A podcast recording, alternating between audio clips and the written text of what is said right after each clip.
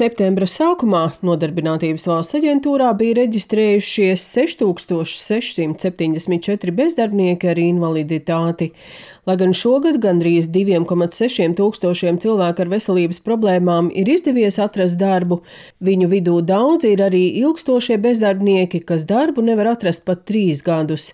Par NVA populārāko pasākumu subsidētajām darba vietām, kas paredzētas cilvēkiem ar invaliditāti, stāsta nodarbinātības pasākumu departamenta direktora vietniece Vineta Leončika. Darba devējs var saņemt finansējumu gan šī sava darbinieka darba algai, gan darba vadītāja atlīdzībai, gan darba vietas pielāgošanai, arī atmaksājuma veselības pārbaudas ir pieejams arī surda tulku vai ergoterapeita pakalpojums. Protams, starp darba devējiem ir šie stereotipi, ka noteikti cilvēks slimos vai vēl būs citādas problēmas. Tad šobrīd tieši dēļ šī darba spēka trūkuma darba devēji ir daudz atvērtāki un, un varbūt arī tādā veidā lauž šos stereotipus, kas viņiem ir par, par šādu cilvēku nodarbināšanu. Protams, ne visi cilvēki ar invaliditāti ir reģistrējušies nodarbinātības valsts aģentūrā. Kad Dievas rosnes dēls, kam ir invaliditāte, pēc skolas pabeigšanas nevarēja atrast darbu, Ieva izveidoja darba meklēšanas platformu internetā Faveo, kurā aizpildot anketu, vieglāk satikties darba devējiem un cilvēkiem ar veselības problēmām. Cilvēkam nu, viņam ir iemaņas, viņam ir prasības, bet savu veselības stāvokļa dēļ viņš nevar iekļauties tajā darba tirgu.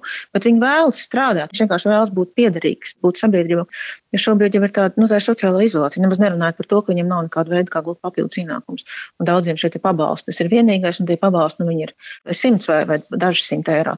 Un otra puse, es esmu aptaujājis daudzus šos uzņēmējus, kuriem nu, tā darba spēka problemātika ir ārkārtīgi, ārkārtīgi aktuāla. Tirzniecības rūpniecības kamera man laipni piekrita palīdzēt un iesaistīties arī šajā procesā, kā informējot gan par tādu platformu, gan arī aicinot uzņēmējus sadarboties. Latvijas cilvēku ar īpašām vajadzībām sadarbības organizācijas Sustento valdes priekšsēdētāja Gunta Anča vērtē, ka pasākumi cilvēku ar invaliditāti nodarbinātībai Latvijā ir, bet tie nav līdz galam pārdomāti.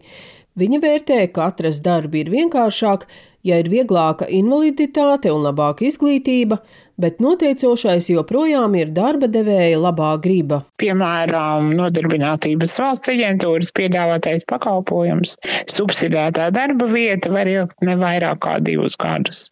Un ja viņš divus gadus ir varējis strādāt mazāk, lēnāk, Ne tāpēc, ka slims, ne tāpēc, ka slinks, bet tādēļ, ka invaliditāte, tad pēc šiem diviem gadiem patiesībā jau nekas nebūs mainījies.